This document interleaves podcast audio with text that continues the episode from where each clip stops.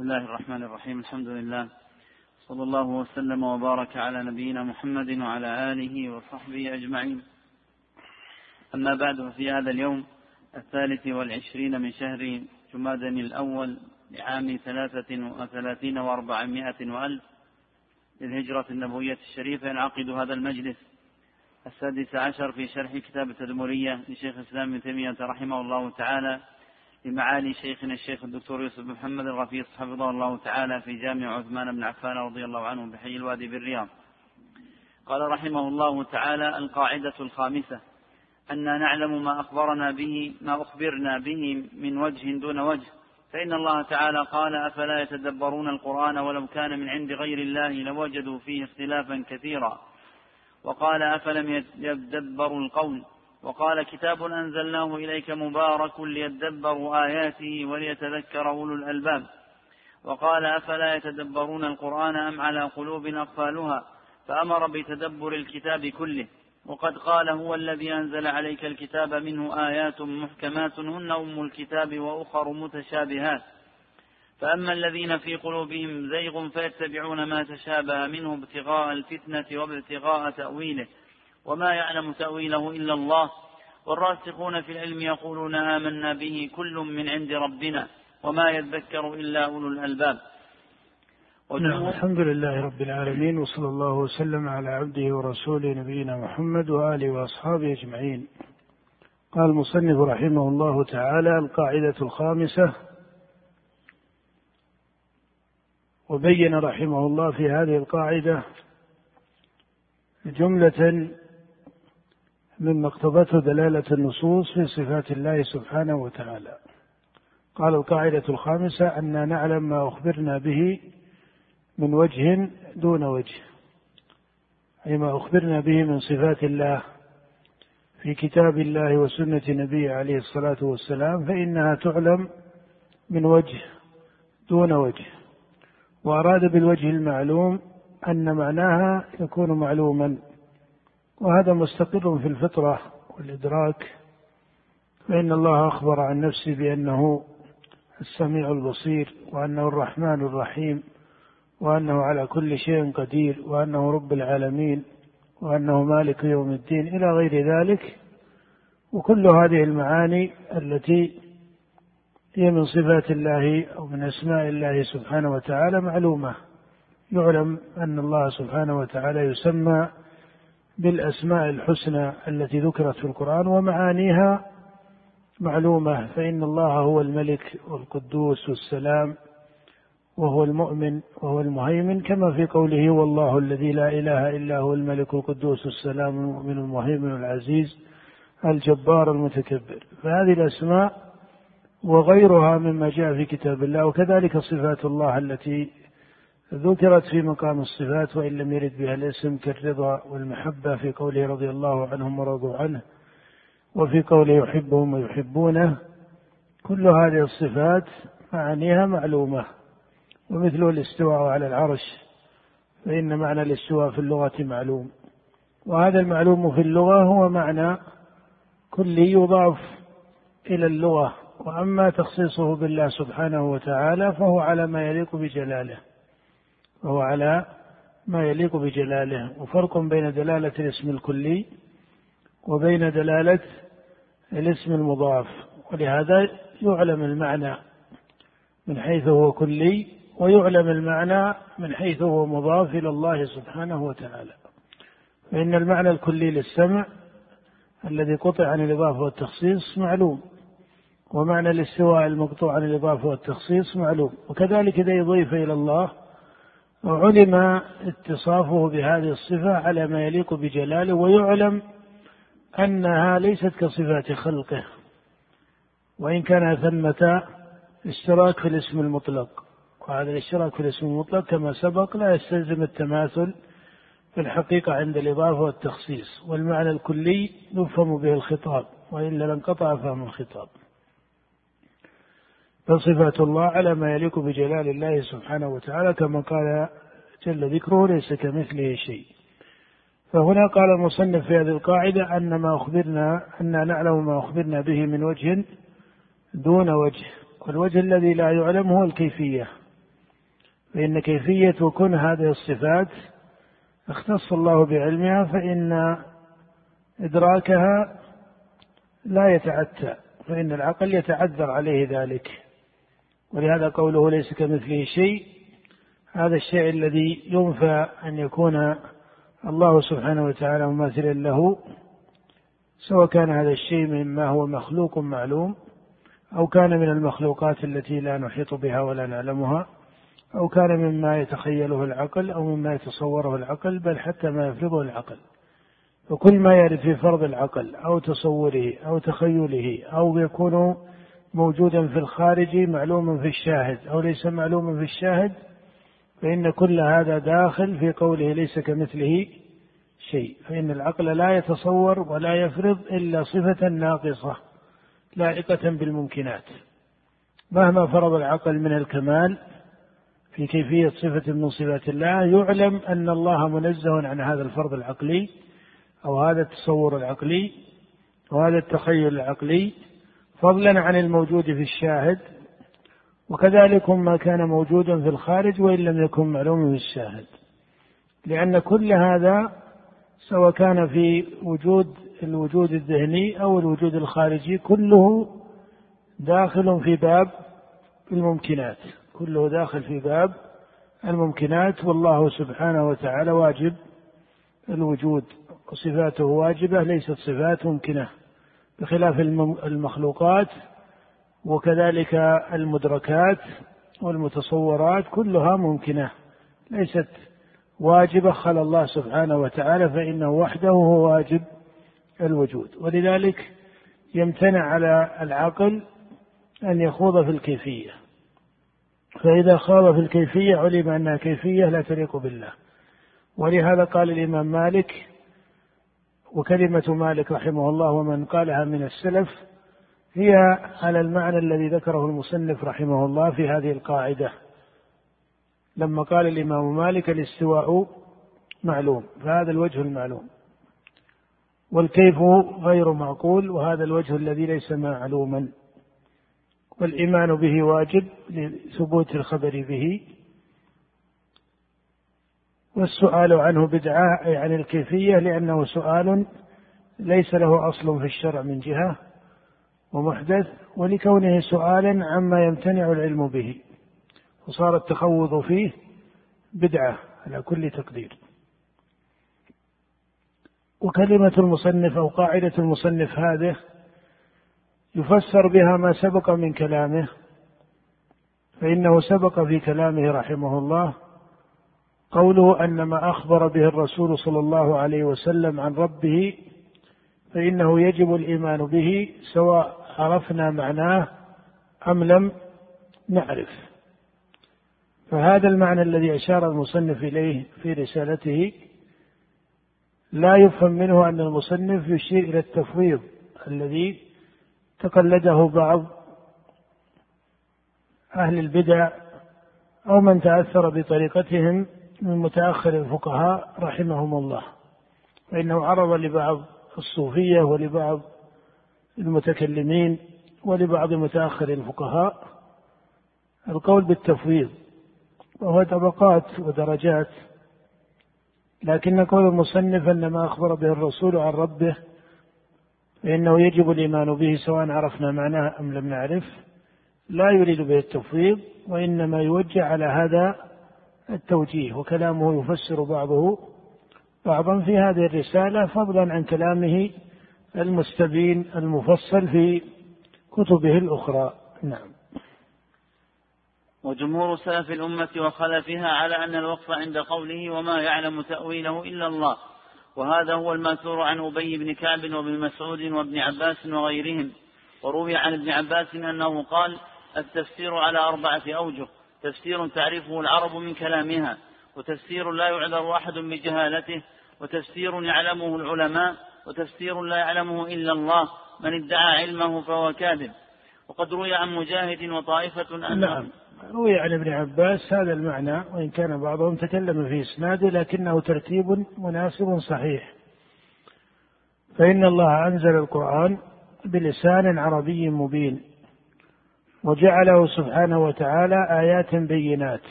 فهو بين وهو مفصل مع وقوعه على أتم وجوه البلاغة إلا أنه بين. ولهذا بيانه للعامة أظهر من بيان شعر الجاهليين أليس كذلك؟ وشعر الشعراء وخطب الخطباء. فهو كتاب بين. ولهذا لما ذهبت الفصاحة فصاحة اللغة بقي بيان القرآن وإن كان يفوت الأكثر من المسلمين اليوم الإعراب واستقامة الكلام بعيدا عن اللحن لكنهم يفقهون القرآن. كل من كان عربيا فإنه يفقه عامة سياق القرآن. الفقه الأول أما الفقه الثاني فهو ليس فرعا عن فصاحة اللغة من عدمها. الفقه المركب ليس فرعا عن فصاحة اللغة من عدمها وإن كانت فصاحة اللغة أحد مكونات هذا الفقه. الفقه المركب الذي هو فقه الفقهاء. فإن هذا يبنى على ترتيب علمي أبعد من مسألة اللغة وحدها. يبنى على ترتيب معرفة بأصول الاستدلال وقواعد الاستدلال إلى آخره كما هو معروف. لكن الفقه البسيط والفهم لجملة المعاني هذا في عامة آيات القرآن يدركه المسلمون عامتهم وخاصتهم. مع وجود اللحن ومع ذهاب فصاحة اللغة.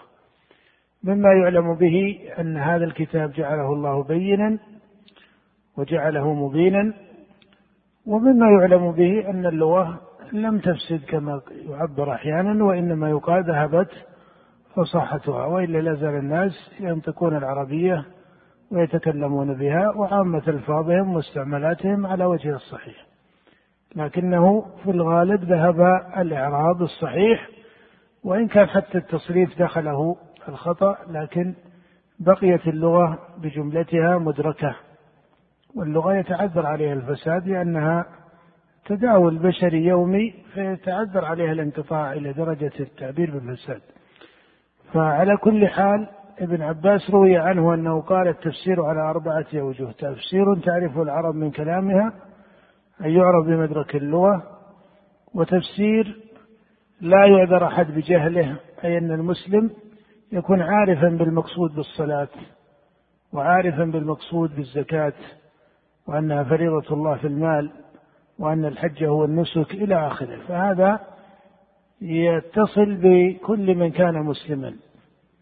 وتفسير لا يعرفه إلا العلماء وتفسير استأثر الله بعلمه.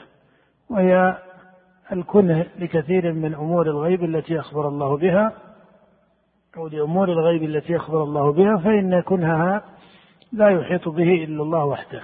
أمور الغيب لا يحيط بكنها إلا الله وحده سبحانه وتعالى سواء ما يتعلق بصفات الله سبحانه أو بالأمور الغيبية المذكورة كأمور المعاد فإن كنها لا يحيط به أحد وإن كانت معانيها معلومة ومدركة من حيث الجملة المعنى ومن حيث اختصاص هذا المعنى عن غيره وامتيازه عن غيره.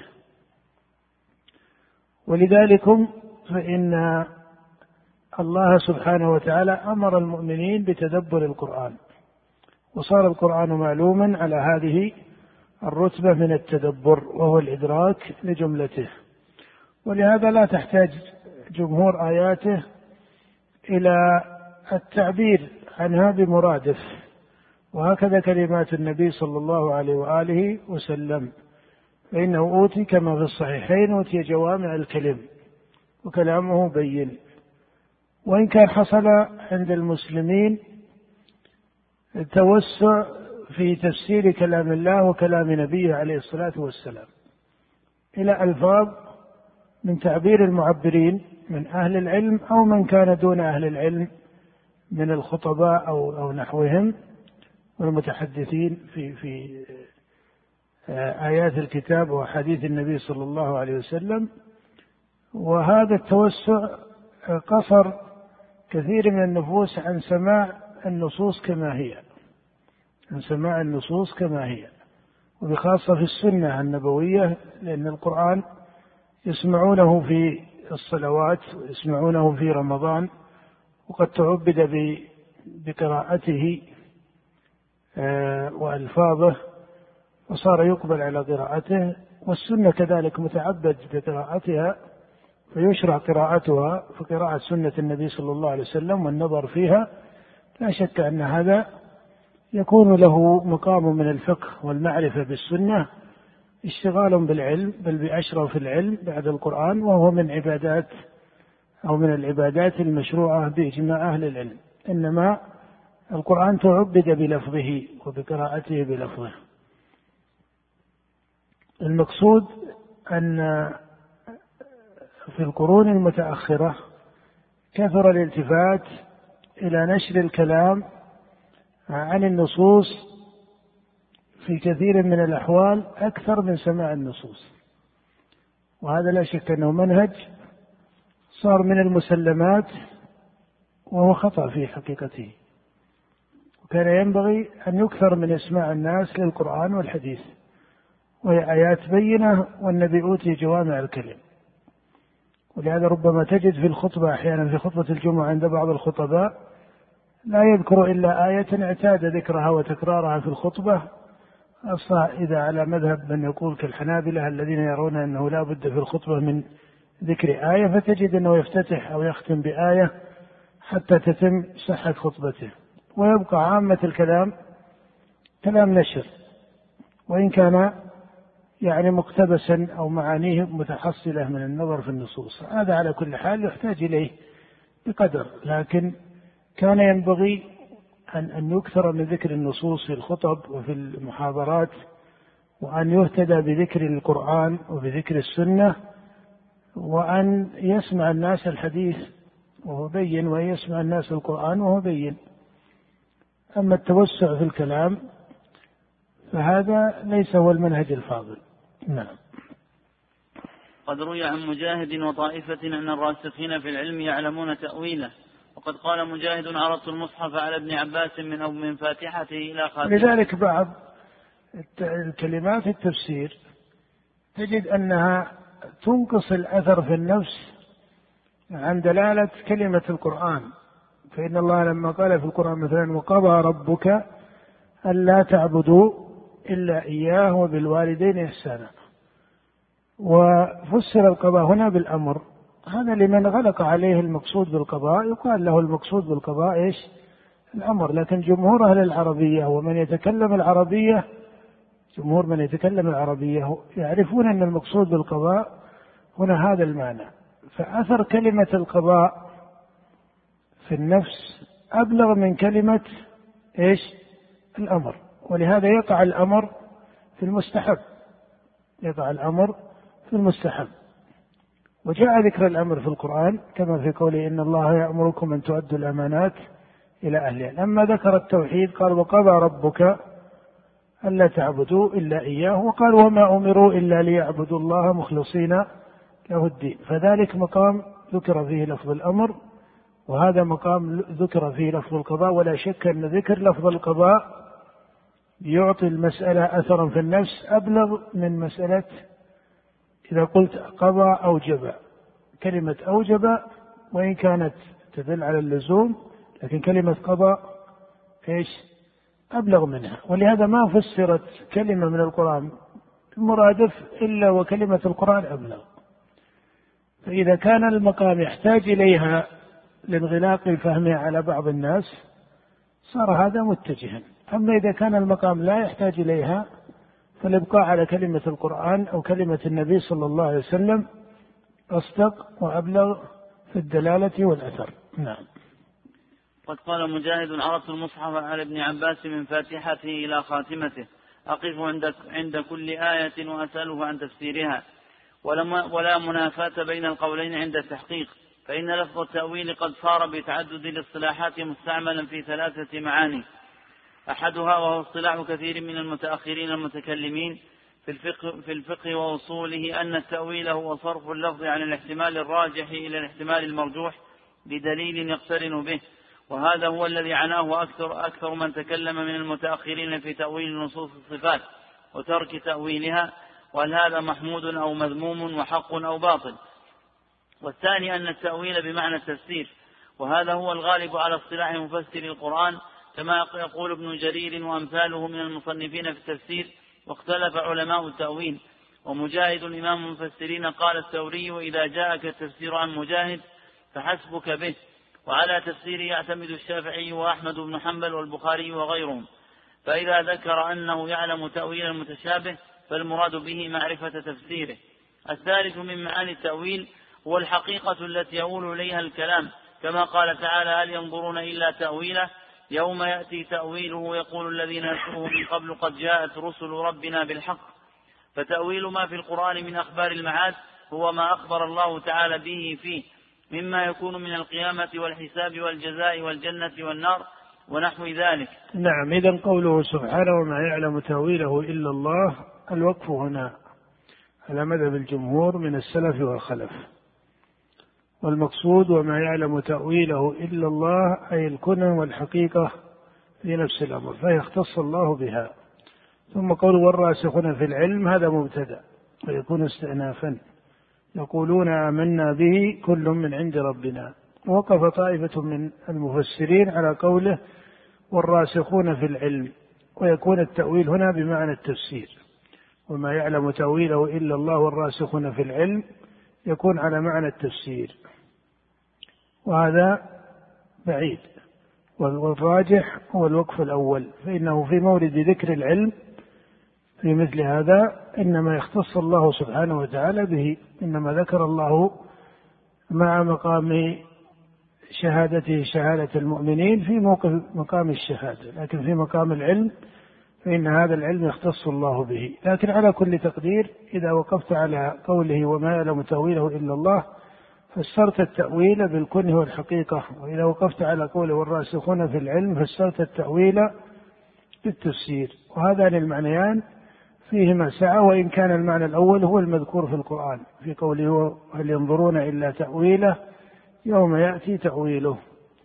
وأما التأويل بمعنى صرف اللفظ عن الحقيقة إلى المجاز لقرينة أو لدليل يتصل بذلك فهذا هو التأويل في اصطلاح المتكلمين وليس له أصل في كلام السلف. ليس له أصل في كلام السلف وهو مبني على مقدمات لغوية ومقدمات عقلية فيها منازعة وبين المصنف أوجه هذه المنازعة في كتبه المفصلة.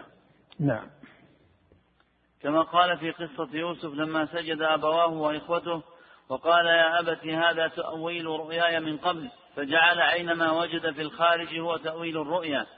فالتأويل الثاني هو تفسير الكلام وهو الكلام الذي يفسر به اللفظ حتى يفهم معناه أو تعرف علته أو دليله. وهذا التأويل الثالث هو عين ما هو موجود في الخارج.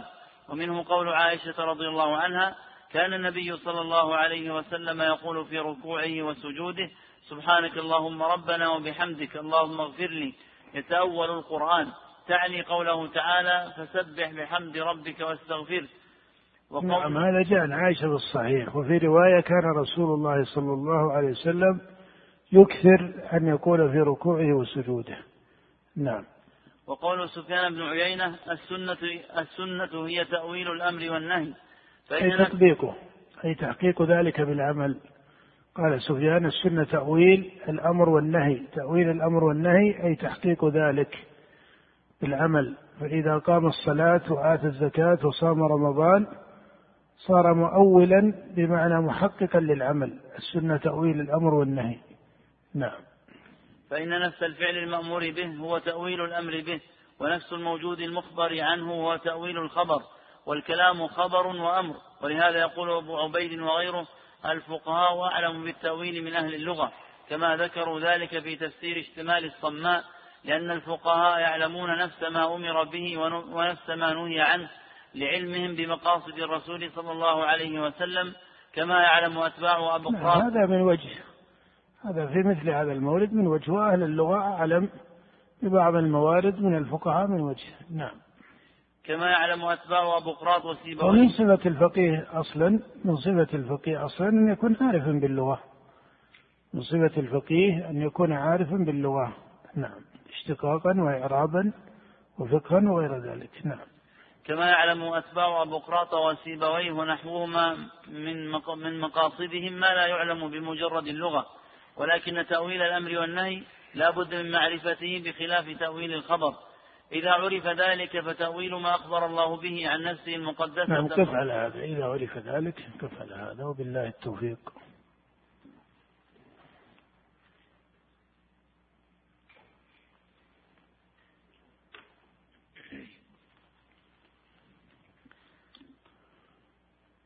نعم اقرأ فيه بسم الله الرحمن الرحيم الحمد لله. صلى الله وسلم وبارك على نبينا محمد وعلى آله وصحبه أجمعين. أما بعد ففي هذا اليوم الثالث والعشرين من شهر جماد الأولى لعام ثلاثة وثلاثين وأربعمائة وألف ينعقد هذا المجلس في شرح كتاب الضروري في أصول الفقه. لابن رشد الحفيد رحمه الله تعالى لمعالي شيخنا الشيخ الدكتور يوسف بن محمد الغفيص حفظه الله تعالى. في جامع عثمان بن عفان رضي الله عنه بحي الوادي في الرياض. قال رحمه الله تعالى القول في الظاهر والمؤول من جهة الصيغة. والظاهر كما قلنا من جهة الصيغة قسمان أحدهما الألفاظ المقولة من أول الأمر على شيء ثم استعيرت لغيره لتشابه بينهما أو تعلق أو تعلق بوجه من أوجه من أوجه التعلق. أما الذي استعير لتشابه بينهما فمثل تسميتهم الفراش عشا وأما الذي استعير لتعلقه بوجه آخر فكتسميتهم النبت ندى لأنه عن الندى يكون. ومن هذا الصنف الكناية كتعبيرهم عن الرجيع بالغائط وعن النكاح بالمسيس. وأما القسم الثاني من أقسام الألفاظ الظاهرة فهي المبدلة ونعني هنا بالمبدلة إبدال الكلي مكان الجزئي والجزئي مكان الكلي. وعلى التحقيق فالتبديل يلحق جميع الألفاظ المستعارة.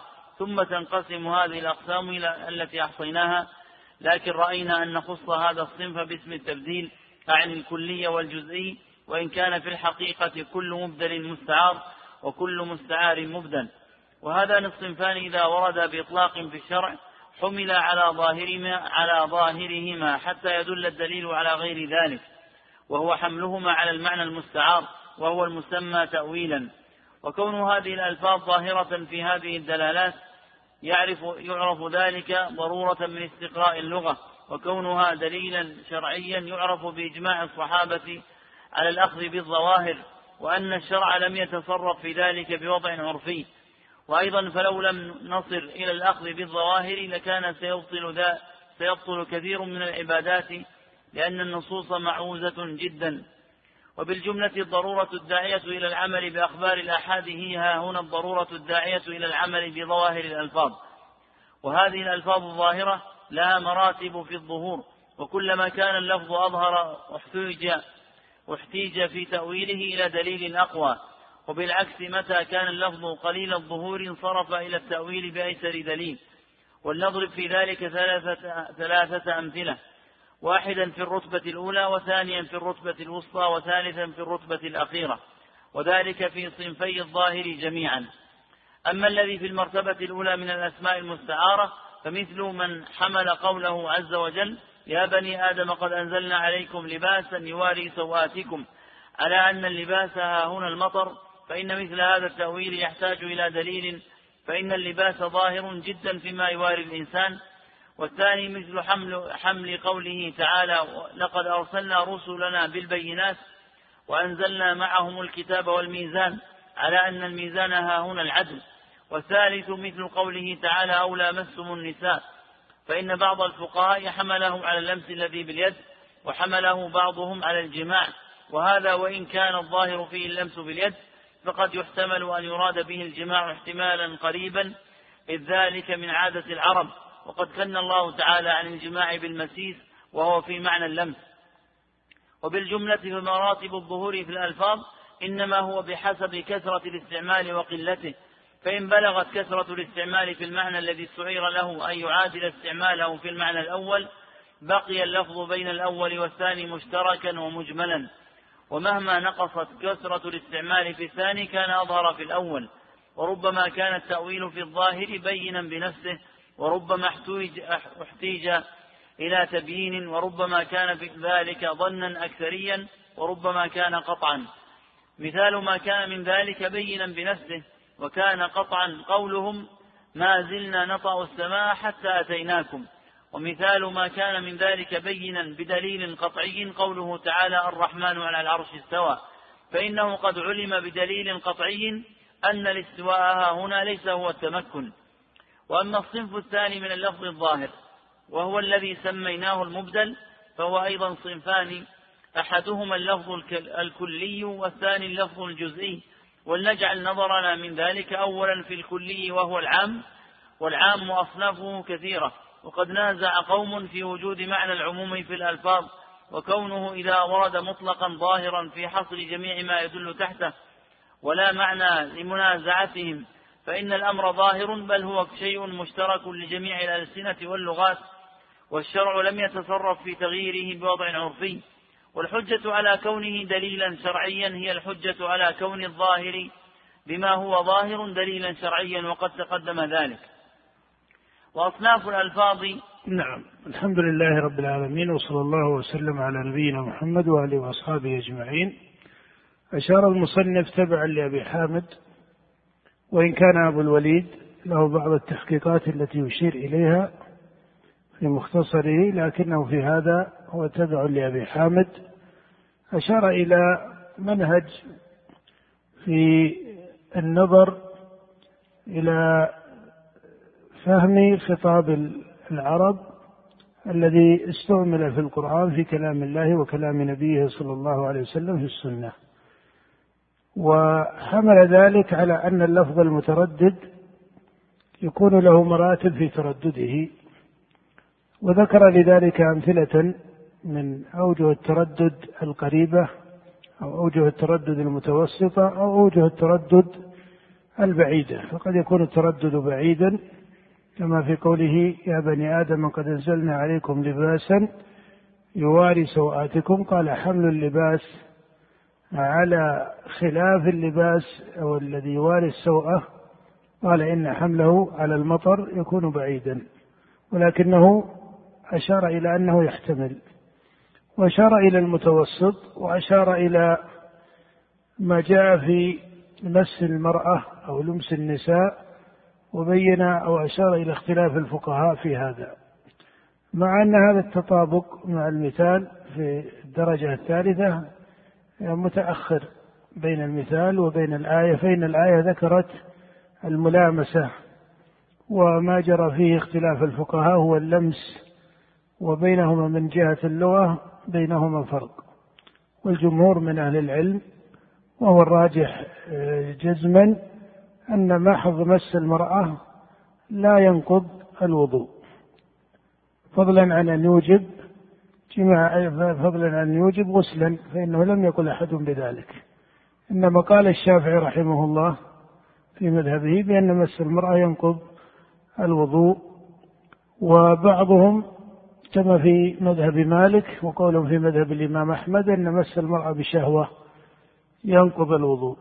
والراجح من هذا من حيث المسألة الفقهية أن مس المرأة مطلقا لا ينقض الوضوء وليس هو المذكور في الآية أصلا.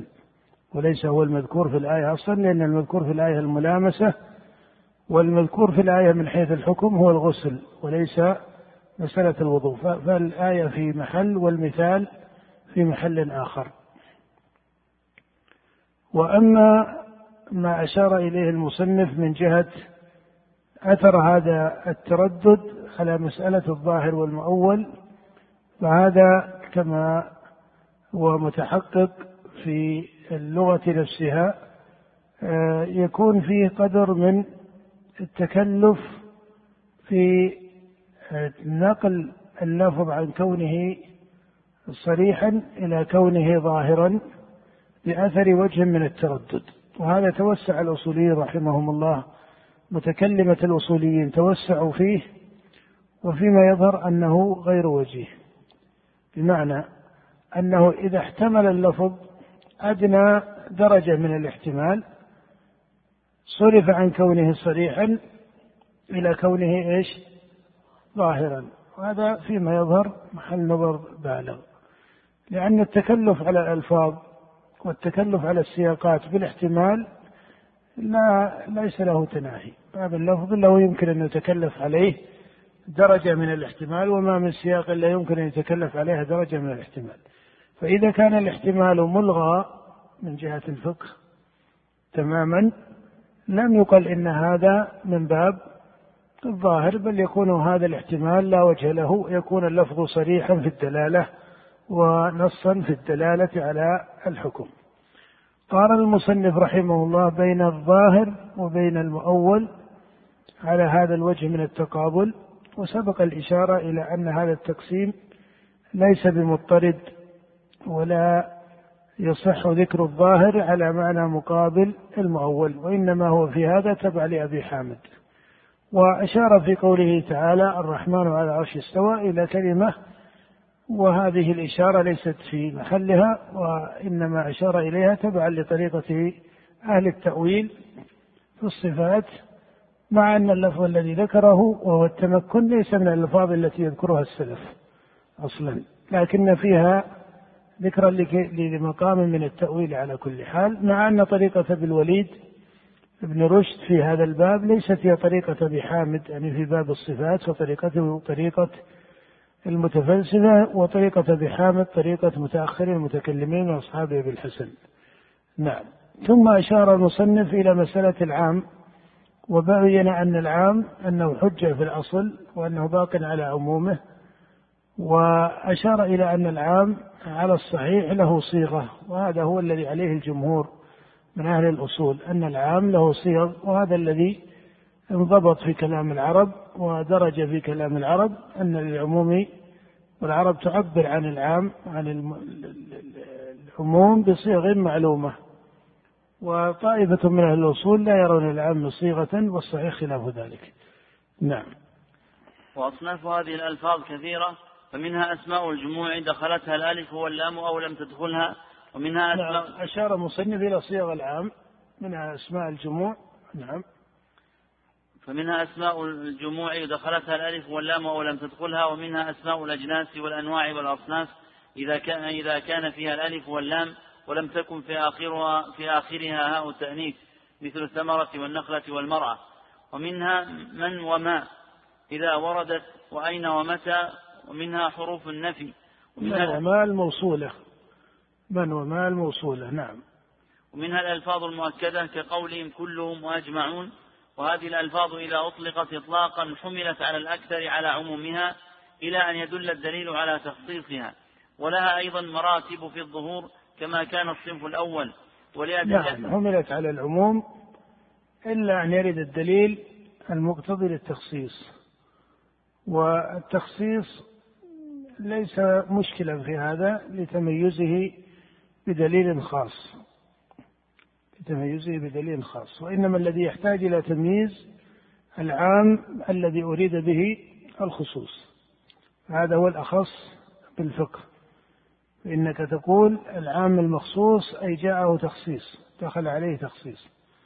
الخاص ثبت بدليل خاص ميز هذا الخاص بحكم عن بقية أفراد العام. هذا ليس يقع فيه التباس. إنما الذي قد يلتبس هو العام الذي خرج عن حكم العموم إلى حكم الخصوص لكونه عاما أريد به الخصوص. وهما وجهان. تقول عام مخصوص وعام أريد به الخصوص وعام محفوظ. العام المحفوظ هو الذي لم يخصص. والعام المخصوص هو الذي دخله التخصيص. وفي الجملة هذه بينة. إنما الذي قد يلتبس أمره العام الذي أريد به العام الذي أريد به الخصوص. نعم.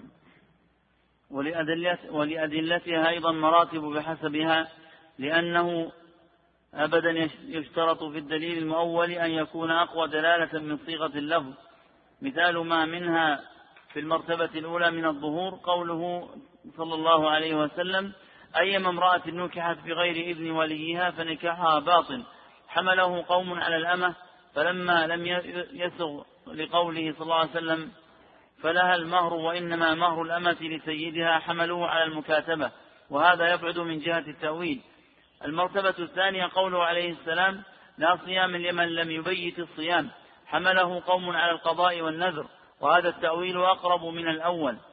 المرتبة الثالثة قوله صلى الله عليه وسلم فيما سقت الماء السماء العشر وفيما سقي بالنضح نصف العشر.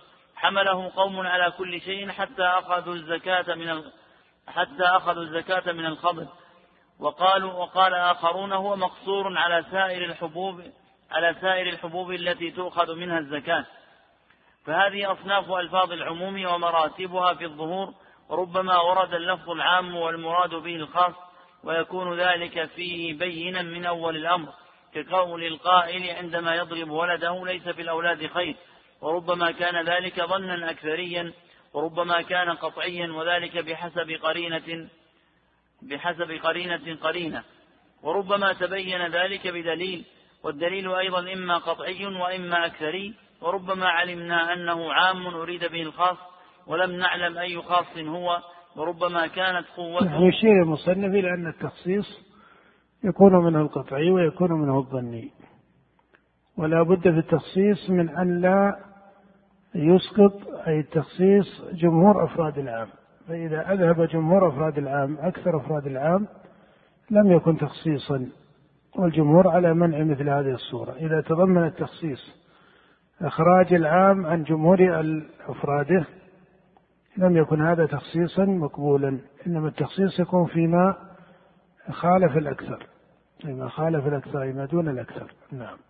وربما كانت قوته قوة المجمل وقد بقي, بقي علينا أن نقول فيما يظن, يظن به من أصناف الألفاظ أن لها عموما وليس لها عموم أو فيما يظن منها أن ليس لها عموم ولا عموم ونرسم في ذلك مسائل. مسألة العموم في الألفاظ. نعم قف على هذا وبالله التوفيق وصلى الله وسلم على عبده ورسوله نبينا محمد.